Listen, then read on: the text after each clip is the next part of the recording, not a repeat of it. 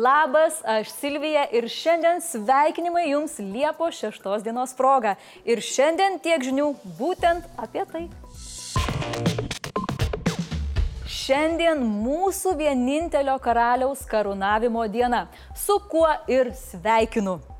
Jokauju, nes šiandien tik tą dieną švenčiame, kada iš tikro Kulmo vyskupas Henrikas Mindaugui užmovė karūną, niekas jau nebežino. Pasak istoriko Rimvido Petrausko, Liepo 6 diena nėra minima jokiuose šaltiniuose, kuriuose kalbama apie karūnavimą. Dokumentai mini tik tai, jog ceremonija vyko 1253 m. Liepą. Jau mūsų laikais profesorius Edvardas Gutavičius, atsižvelgęs į įvairias aplinkybės ir apsvartęs įvairias tikimybės, iš keturių galimų Liepos sekmadienių pasirinko Liepos 6. Tai taip ir prilipo.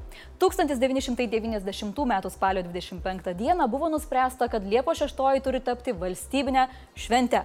Jei norėtumėt apsilankyti vietoje, kur Mindaugą karūnavo, tai Nu ką žino, gal jau ir esat ten apsilankęs. Nes tikroji karūnavimo vieta irgi išlieka nežinoma. Ne todėl, kad kažkas slėpia, tiesiog nėra jokių 13 amžiaus šaltinių, kurie tokią vietą nurodytų. Yra tik vienas vienintelis su karūnacija siejamas dokumentas, kuriame sakoma, kad Mindaugas buvo karūnuotas kažkur Lietuvoje, valdovo dvare. Tai čia ir valdovų rūmai gali būti, ir Malinausko dvaras druskininkose. Ai, pala, ne, ten ne valdovo, ten caro dvaras. Tiesa, yra tokia viena tauta mūsų pašonėje vad gyvena, kuri Mindaugo karūnavimą nori truputį, truputį pasisavinti. Baltarusiams svarbu parodyti, kad LDK yra baltarusiška valstybė, todėl maždaug nuo 16 amžiaus ten pradėtas vystyti mitas, kad Mindaugas buvo karūnuotas Naugarduke. Pasak istorikų, tuo metu lietuviai ten tikrai negyveno. Baltarusiškose vadovėliuose palikta tiesa dėl tikslios datos, ji nėra aiški, tačiau įvardyjama tiksli karūnavimo vieta Naugardukas. Gal labiau Naumindaugiukas for you, o ne Naugardukas. Šautaut mūsų scenaristams. Labai gerai, bairiai, labai. Beje, kartu su Mindaugu buvo karonuota ir jo sutuoktinė Morta. Vat maždaug taip.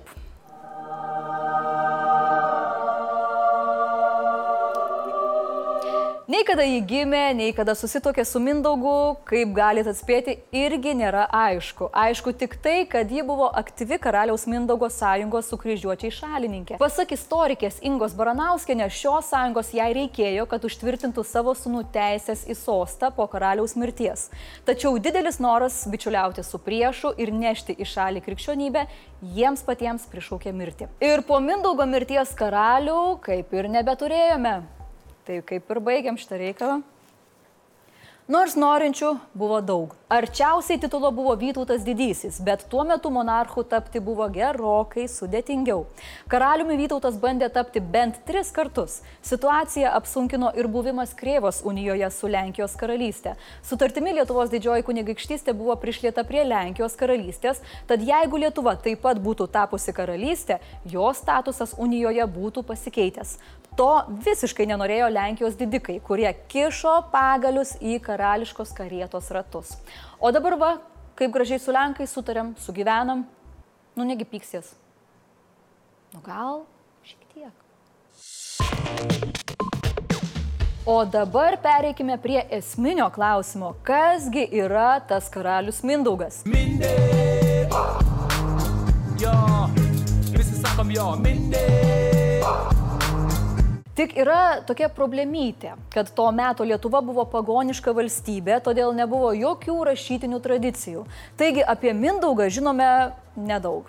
Žinoma tik tiek, kad jis galėjo gimti apie 1200 metus, o mirti sulaukė savo 70-ojo dešimtmečio. Jis galėjo atrodyti taip, taip, gal taip, o gal net va taip. Žodžiu, buvo su barzda. Pirmą kartą Mindaugas istorijos šaltiniuose paminėtas 1219 metais kaip vienas iš kelių tikrosios Lietuvos kunigaikščių. Lietuvos valdovų jis tapo 1236 metais. Vadinasi, per 17 metų neblogą karjerą pasidarė. O kaipgi Mindės charakteriukas? Jam atėjus į valdžią jis ėmė vienyti ne tik tuometinės Lietuvos žemės, bet ir aplinkinės teritorijas. Priešams tai nepatiko. Dėl to jie jį vaizdavo kaip žiaurų, niūrų, kietą, bet ir išmintingą žmogų. Kai kurie istoriniai šaltiniai Mindaugą pristato kaip negailestingą ir žiaurų valdovą. Lietuva vienijosi tik kardu, dėl valdžios žudžiusi netgi giminaičius. Tačiau kiti neabejoja, kad vien konfliktais ir jėga Mindaugas valstybę sukurti negalėjo. Mindaugas Mindaugas garsus dėl vieno tokio politinio manevro - Lietuvos krikšto.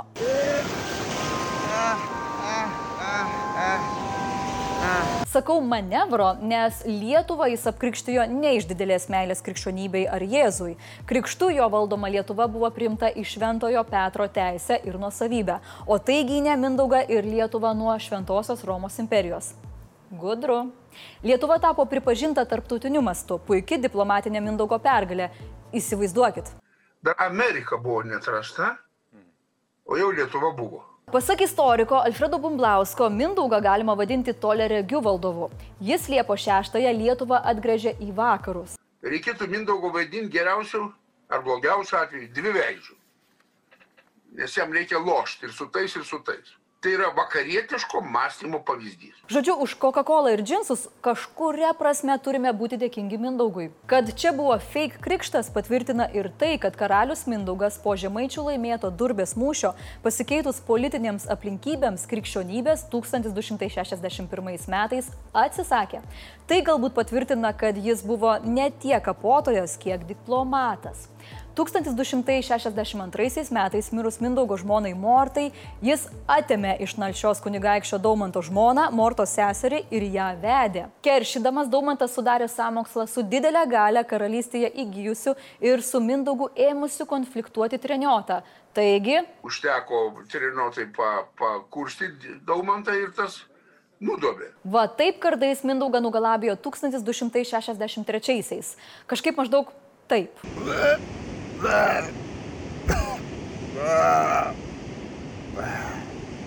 Mindaugo nužudimas ir vėlesnė kova dėl valdžios stabdė LDK plėtrą, apsunkino priešinimąsi Vokiečių ordinui ir žinoma atitolino mūsų įsileimą į vakarus. Apmaudu, kad daugiau tokių Mindaugų nebuvo. O jūs ar norėtumėt, kad Lietuva vėl būtų karalystė? Parašykit komentaruose ir pridėkit, kas geriausiai tiktų į karaliaus sostą. Primta manyti, kad Mindaugas sukūrė Lietuvos valstybę. Tačiau kai kurie istorikai sako, kad Lietuva kaip valstybė egzistavo jau ir anksčiau. Na pavyzdžiui, pirmą kartą Lietuvos vardas buvo paminėtas XI amžiaus pradžioje, kai į pasauliui beveik nežinoma žemės su misija atvyko Šventas Brunonas, bandęs to meto lietuvius supažindinti su krikščionybė. Kaip jam ten sekėsi ir kaip jam baigėsi, visi aišku žinom. Nors lietuviai tuo metu ir buvo pagonis, jie vis tiek artėjo prie savo valstybės sukūrimo atkūrimo. Deja, bet kaiminystėje turėjome itin stiprią valstybę Kievo Rusią, sujungiusią didelę dalį rytų slavų teritorijų. Kievo Rusė privertė Lietuvą mokėti duoklę, dėl ko mums nepavyko sukurti valstybės. Tačiau ilgainiui procesai užsikūrė ir kažkas va pavyko. Pakartosiu, kad svarbu suvokti, jog valstybė nesusikūrė vieno kalavijo užmojų arba per vieną dieną. Čia kaip ir Roma statėsi labai labai ilgai ir šį ilgą procesą vainikavo Mindaugas.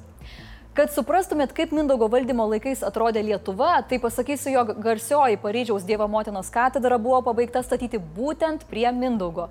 Tuo tarpu Lietuvoje dar nebuvo net mūrinės statybos apraiškų. Negana to, lietuviai tuo metu neturėjo ir tvirtos rašto sistemos, kas laikoma vieno svarbiausių civilizacijos bruožų. Vakarų Europoje tuo metu ėmė kurtis universitetai. Tuo metu Lietuvoje nebuvo net mokyklų. Ir nors Mindauga už bičiuliavimąsi su katalikais nunuodijo, mokyklos Lietuvos rašto kultūra ir valstybės administravimas atėjo kartu su krikštu ir katalikybė. Taigi galima sakyti, kad Mindaugas atėjo, nunuodijo truputį savo giminių, Mortos įkalbėtas atvedė mums krikščionybę ir suvienijęs valstybę išėjo pats. Ir ačiū jam už tai. Liepo 6 yra tikra šventė Chameleonas. 91-aisiais Liepo 6 dieną pradėjome švęsti valstybės dieną. Dar po metų turėjome Mindauginių eiseną. 2004-aisiais atkūrėme Lietuvos istorinę vėliavą ir pradėjome ją kelti į dangų Liepo 6 dieną.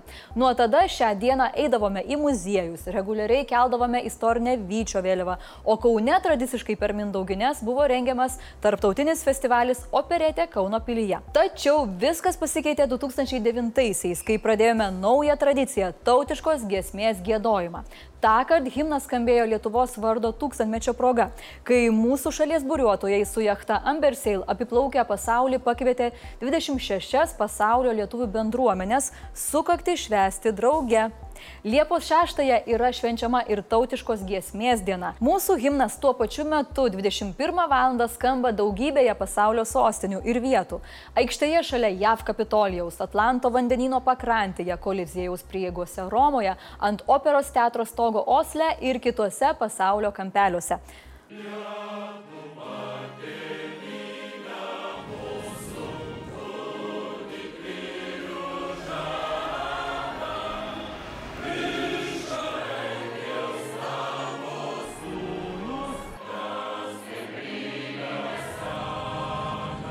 Šiemet ne išimtis. Kur be būtumėte - namuose, atostogų kelionėje, sode, kavinėje ar miške, būtinai atsistokite, pridėkite ranką prie krūtinės ir sugėtokite tautinę giesmę. Taip, kad dangus drebėtų ir žemė virpėtų. Mindaugas to norėtų ir tikiu, kad pats dalyvautų. Ir noriu pakartoti klausimą, tai kaip jūs švenčiate Liepo 6-ąją? Ar gėdate tautišką giesmę? O kadangi nėra normalių rašytinių šaltinių apie tą karūnavimą, niekas negali paneigti, kad viskas atrodė ne štai šitaip.